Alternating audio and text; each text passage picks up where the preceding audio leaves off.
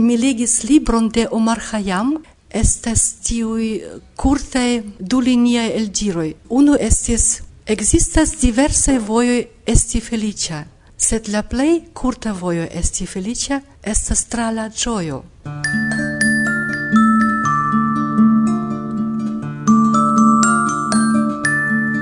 Nove mia cor fratecas nun,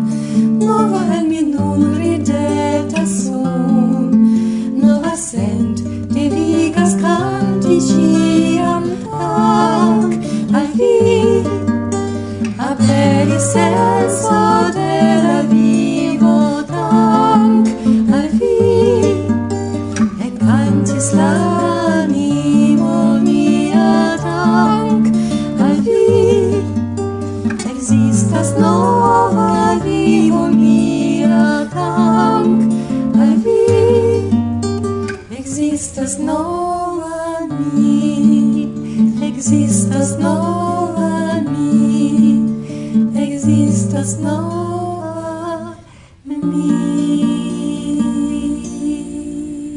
retrenigitaj voĉoj, ĉu vi studis en muzika lernejo? Jes, mi studis pianludon, sed ni havis tiun fakon cantado. Yes, mi studas fakte muzikon kaj francan lingvon kaj mi ankaŭ havis cantadon en la universitato kaj volonte iros al koruso. Ah, do tio klara, do vi ne estas amatorinoj puraj, sed tamen vi havas prepariĝon. Saluton, ni estas duopo, ĝele, do ĝenia kaj lena kune ĝele. Do, mi estas Lina, mi estas la patrino. Saluton, mi estas Ženja. Ĉu la patrino freneziĝis iam kaj komencis ludi, ĉar infano tro laŭte kriis? Aŭ estis tute alia historio, ke la avo de la filino do via patro aĉetis por vi gitaron kaj diris: "Ludu!"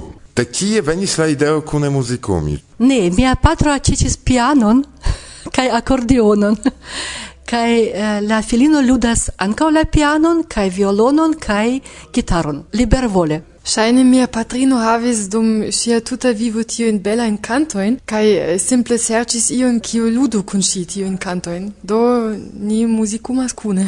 Kiam mi estis juna kaj ankoraŭ ne estis esperantistino, mi kreis la kantojn en tiu komunumo de mem creintoi en iama Sovetunio. Kun gitaro mi jam vojaĝis multe kaj kantis ruslingve aŭ ukrainlingve tiam. Kaj fakte piano estas mia profesio kaj multe kanto estas akomponate per piano. Kaj ĝenia ludas feliĉe multe instrumentojn kaj estas favore. Jes ni povas dum la koncerto uzi ĉiujn instrumentojn, metalofonon kaj la pianon kaj la gitaron kaj violonon. Ĉefe mi ankaŭ ludas la pianon, sed en nia duopo mi ludas gitaron kaj violonon kaj metalofonon kelkfoje ankaŭ kaj mi vidis ke estos bone enriĉigi tiun duopon kun tiuj muzikiloj.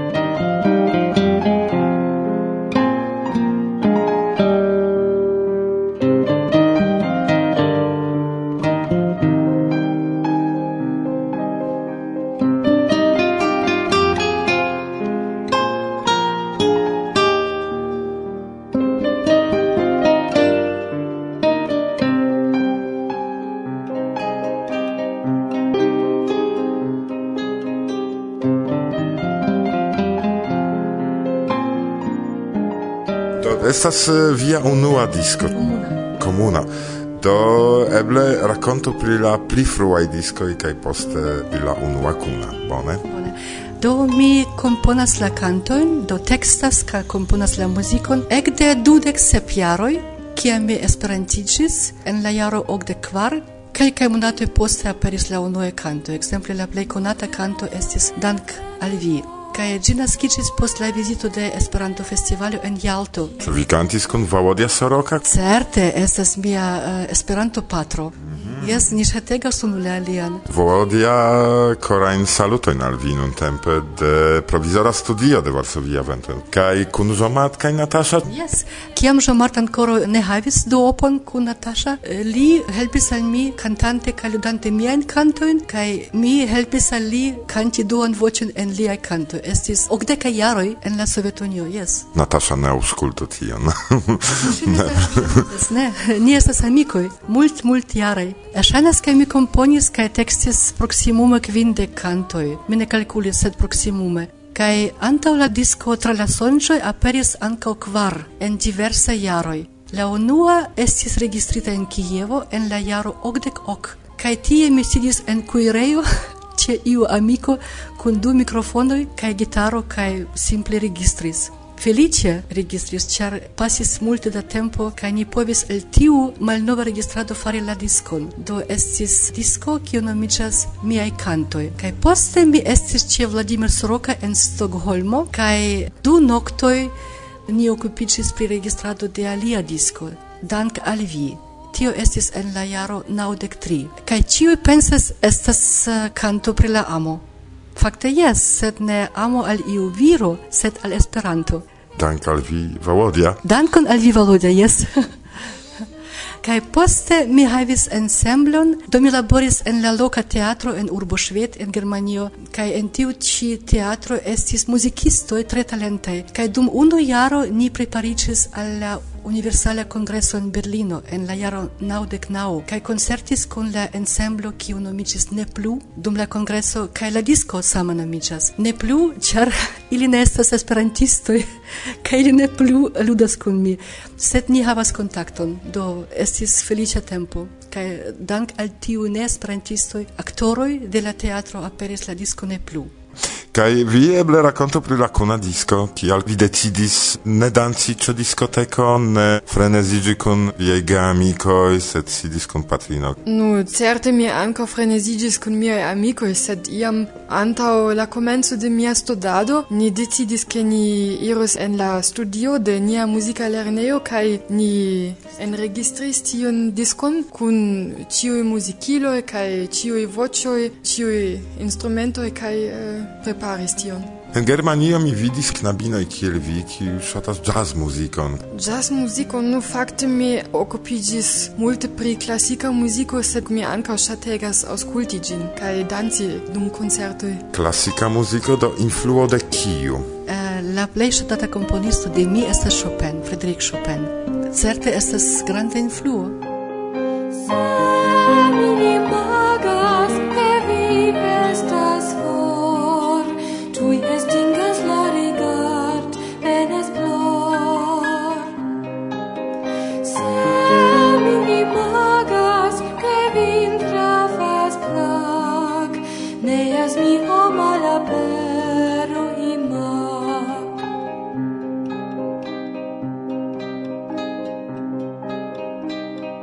inter ciui viei cantoi cin vi componis, sendube estas eh, tiu la plei proxima de via coro. Mi havas la plej ŝatatajn du kantojn. Unu estas dank al vi, eble la plej konata.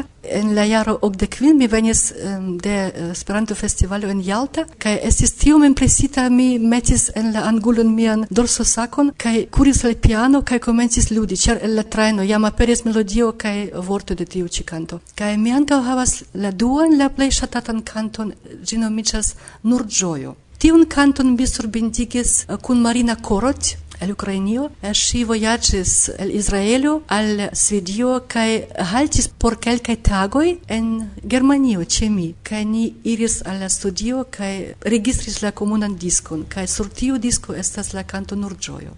Mi exemple tre tre ŝatas tion kanton Suna Floro kaj mi ŝatas la kanton Primaro estas tiom belegaj melodioj kaj ĉiam ili estas en mia kapo tiuj melodioj. Estas interese estas patrino kun filino patrino havas rusan akcenton kaj la filino germanan akcenton. De kio tio venas? Tio venas de tio, ke mia patrino estas ukrainino kaj do havas rusan akcenton kaj mi naskiĝis en Germanio kaj plenkreskis tie do ŝajne germanan akcenton de tio mi havas. Ĉu vi regas la ukrainan kaj la rusan? La ukrainan ne, tion nenio parolas el mia familio aŭ almenaŭ ne bezonas, sed la rusan jes. Ĉu edzo ne kontribuas la ludanon kial? La edzo estas kemiisto, do li nenion havas komunan kun muziko. Krom portado de instrumentoj. Jes, kaj veturigas la auton, estas tre tre grave, ĉar permane oni ne sukcesos eh, ĉiun transporti. Li helpis dum multe da tempo sidi eh, malantaŭ la komputilo kaj fari tiun diskojn. Nia ankaŭ bezonas iun managero de de nia duopo kai um, certe mi mi povus convinki mian patron ludi ion sed ŝajne lin eh, tro taugas por muzikumi sed por alia afero Antaŭ naskiĝo de la filino li havis deziron ludi gitaron sed la deziro finiĝis kun naskiĝo de infano. Ĉu vi deziras iun eh, specialan kanton eh, dediĉi al aŭskultantoj de Varsovia Vento, ke ili ĝuu vian arton kaj poste rapide venu alies por vin eh, aŭskulti kaj ĝui rekte? Thank you.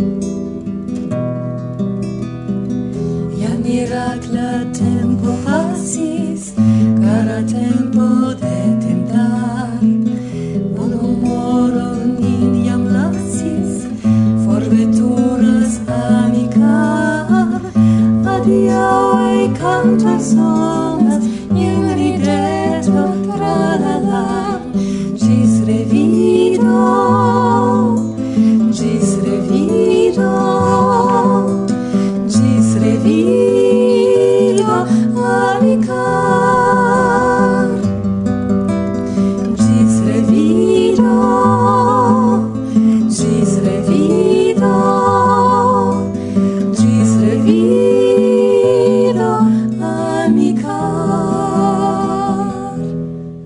Volonte salutus mien amicoin, kie ili estas mi ne scias, sed mi constante pensas pri vi, kaj rememoras kaj dankas en la koro, ke vi estas estis kaj estos en mia vivo.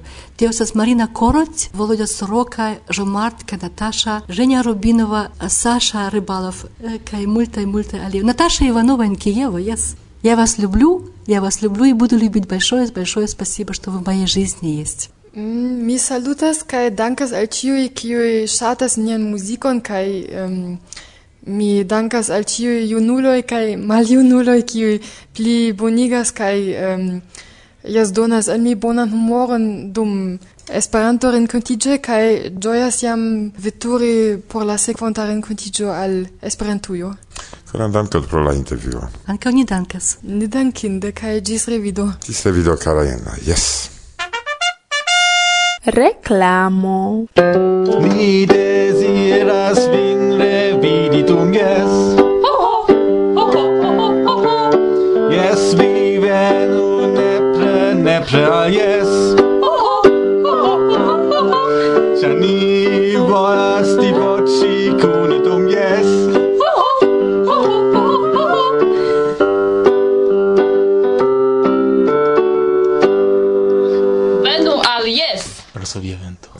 la collecto de la musica interviuoi mancas ancora vi, Volodia.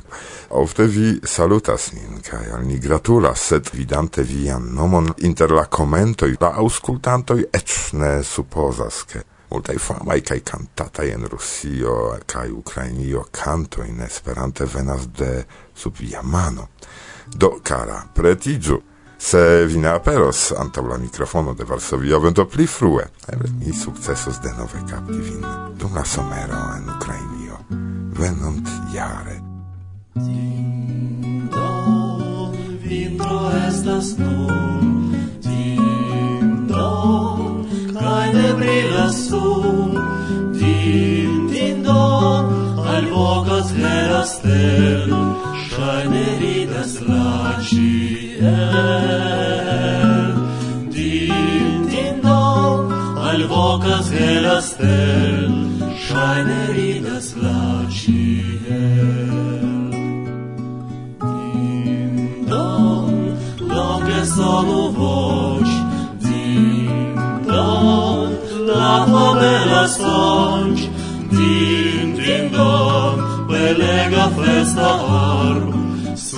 добра чуйних far. Din din don, belega festa arb, Sur la bracioi negeafar.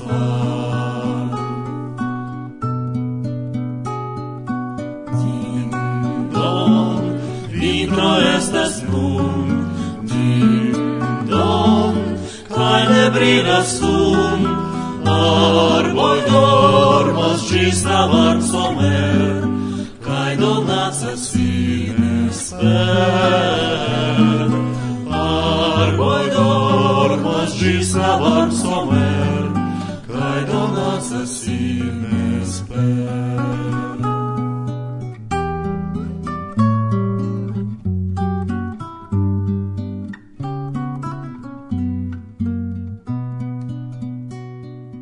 saluto mi estas Kimura Goro Kristof el Japanio, el Tokio. Do unua demando, ĉar eh, vi auscultanto in nescias pri kio ni parolas, sed post momento vi excios, kial vi electis Esperanton por intercomunicado kun la homoi? En 1992 mi komencis studi en Tokio kaj en mia universitato estis Esperanta klubo kai antau en iren universitaton mi legis en giornalo articolon pri Esperanto kai tio tre interesis min char mi pensis che la angla ne estas la ideala solvo pri comunicado internazie kai mi pensis che estas interesa ideo crei comune ian alian lingvon kai mi tiam tute ne sciis che ĝi vere funkcias mi nur allogis la ideo. Poste mi ege excitis kiam mi eksciis che ĝi vere uzeblas. Kiu gvidis la kurson? Kitamura Koichi li ne estas iu instruisto sed ni mem Estas tiel ĉe ni, ke iu el la dua studiaro gvidas tiun de la unua. Do tiam mi en la sekvanta jaro jam komencis instrui Esperanton. Do instruante mi lernis fakte. Do grandaj salutoj por la sinjoro Kitamura. jes, mi estas tre dankema, jes, jes.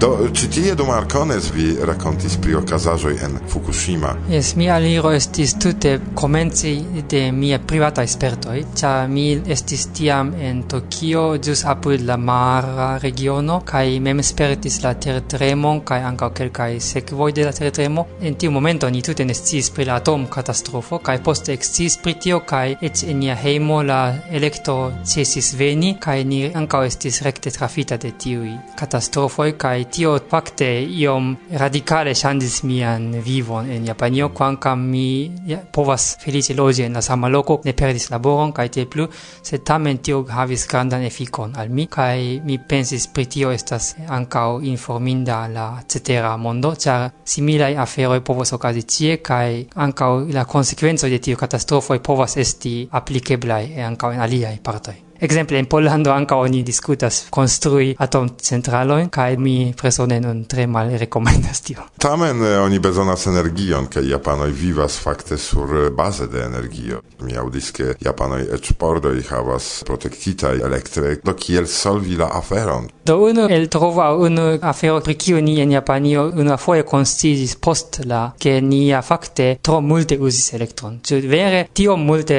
estis bezonata. Cioè, exemple, hieraŭ multaj ascoltantoj ridis kiam mi parolis ke en Japanio certa elcento de la tuta elektro estas uzata por varmigi la sidejon de necesejo kai et la akvo ne funkcias en necesejo sen elektro kai la supraĵo de, de la necesejo ne malfermiĝas sen elektro kai tiel stultaĵoj fakte pri kiuj ni pensis ke tio estas komforta por komforta vivo tre bona tia tiaj aferoj fakte tute ne necesas kai estas eĉ bariloj kiam io okazas kai elektro ne funkcias poste oni povas eĉ ne iri al sia propra necesejo. Kai tio estas fakte iom troiga teknikigita vivstilo kai pri tio ni konsciiĝis nur post Fukushima fakte. Do Japanio diskutas nuntempe pri tiuj ŝanĝoj, ĉu ne, ke oni tamen solvu alimaniere tiun komforton? Jes, do unu rimedo certe estas elektrosparado, cae estas multae consultoi pri tio kia maniere oni povus fari tion, cae en nia hejmo ni ancao povis radicale malcrescigi la uson de electro,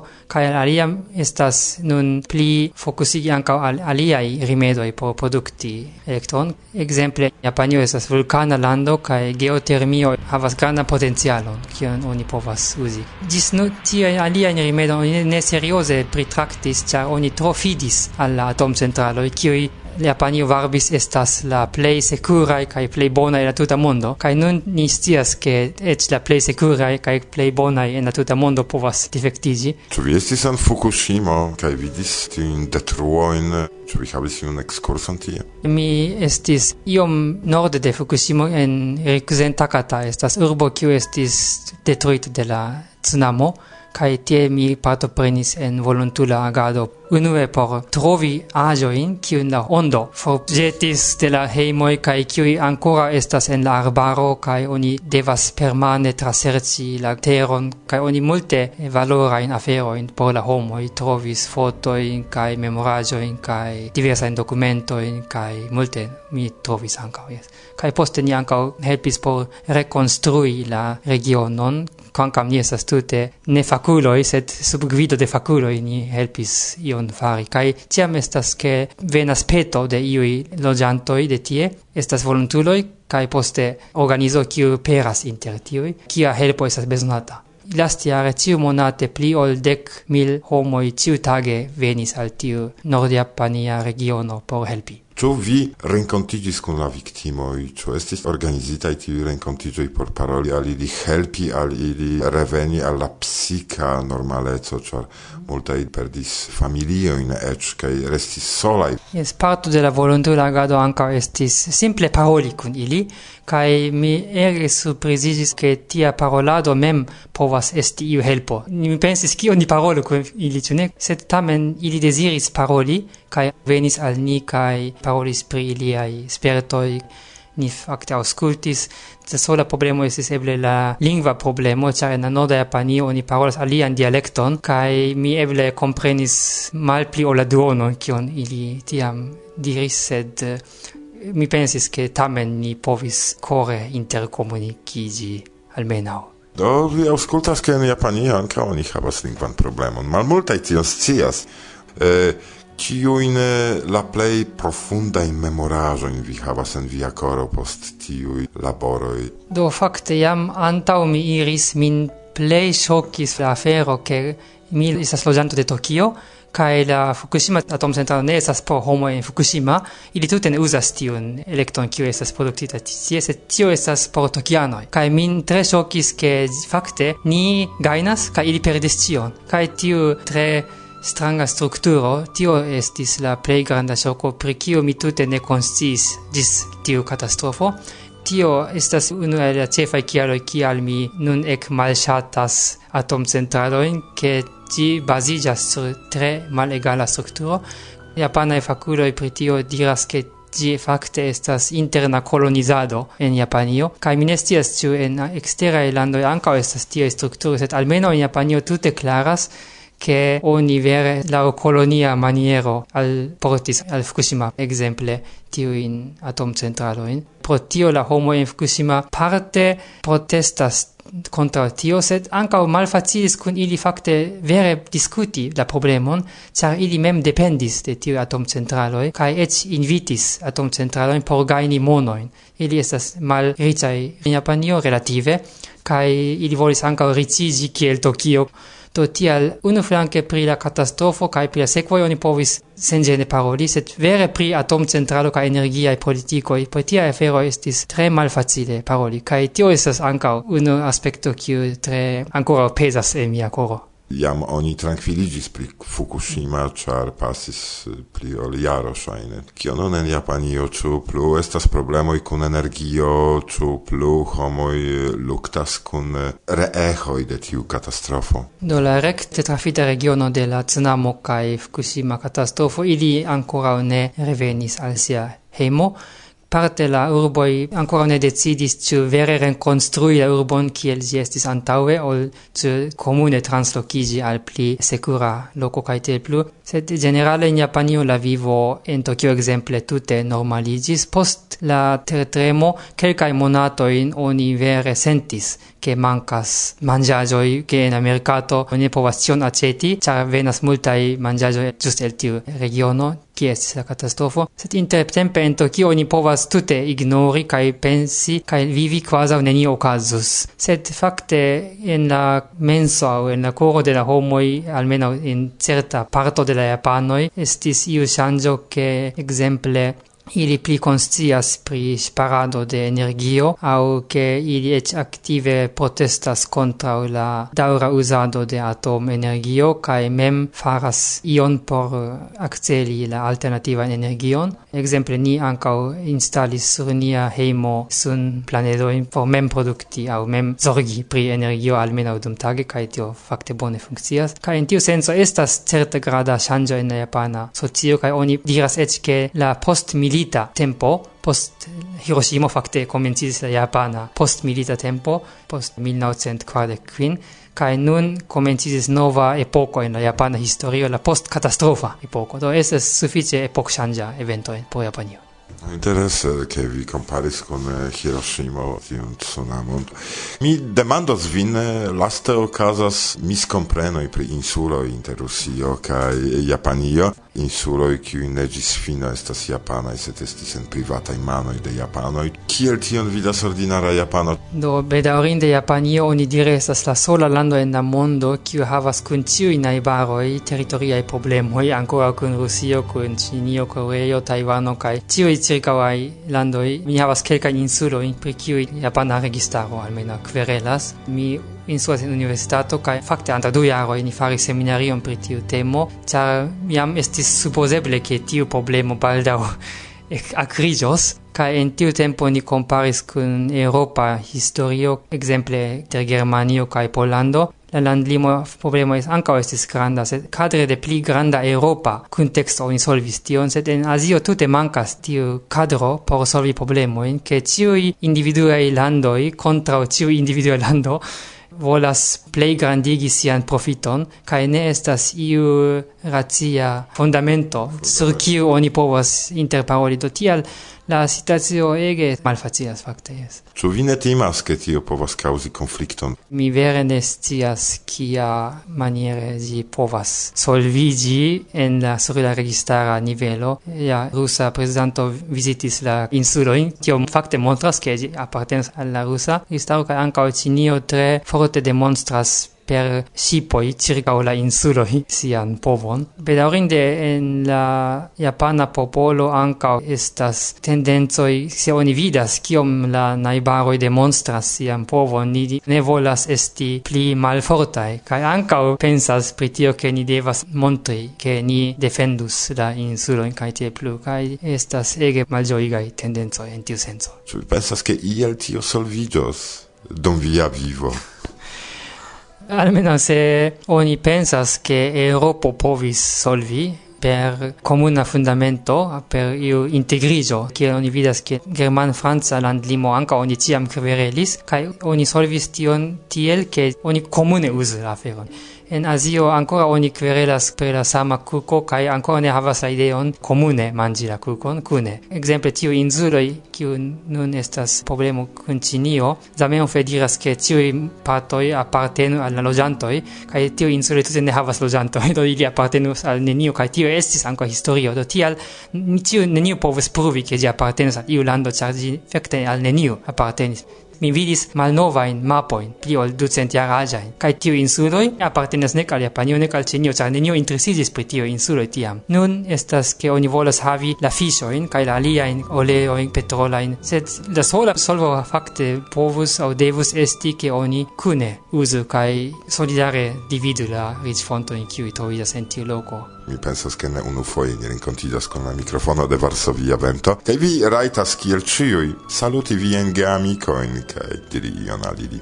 Do, eble eh, mi diros al la auscuntantoi che kiui mi conas, eble mi nun ecte Augusto eclogis en ce la German-Pola landlimo, cae li vivos en Europo zis venonta Iulio. Do, mi tre gioias che al Europa amicoi che mi povas revidi vin. Char ni comencis de Fukushima, mi esperante saluto score ci in Fukushima, in kai homo in cui estis eh, persone tuscitai de la problemo. Anca uti estas esperantisto in tiu regiono, do ni salutas vin ciui carai, kai ni estas core cune kun vi. あまあ、日本語で話すということですので、あの、まあ、福島のことをヨーロッパの人も非常に気にしているということは分かりました。多くの人が聞きにくれ、聞きに来てくれていたので、あの、そういう意味でも、あの、世界の人とつながっているということを忘れないでいたいと思います。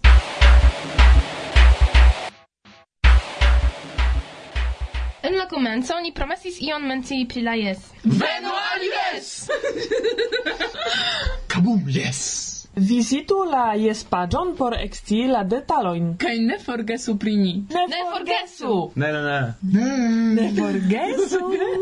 ne, kabum. Do el la malpli provizora studio de Varsovia Vento adiaŭas vin. Ne, do Goška. Karina do Karina. mi amas Karina. Kabum! Andrzej. Kaj kompreneble mi Martusia. Martusia. Oh. Gis la baldaŭa reaŭdo. Gis! 今ラジオ放送ラワルソビア弁当を聞いています。 Ja bym chciał tak skorzystając z okazji pozdrowić jeszcze mamusię, która dzisiaj wyszła ze szpitala. Mamusiu, trzymaj się, jest dużo, bo schudłaś podobno 13 kilo w dwa tygodnie. Y, Chciałbym pozdrowić babcię, która zrobiła dzisiaj mamusi rosołek i kluski leniwe. I chciałbym pozdrowić też tatę, siostrę, przyszłego mojego szwagra Archibalda. Mi sopiras mian amikinon. Hashish. Kaj mi sopiras mian duan amikinon pieczareczka. Kaj mi volas saluti Alekcio kaj Ana, kiu vizitis min dum lasta semajnfino. Alekcio! Alecio! Anna! Francis od Brazil! Revenu al Varsovio! Revenu alla radikoj. Saluton al soplica wiśniowa. Wodko. Kurczaczku, mi salutas vin. Saluton al Mikael Boris, kaj Flama Floro. Kaj krupo. mi sopiras vin ciui, kai atendas revidi vin dum jes.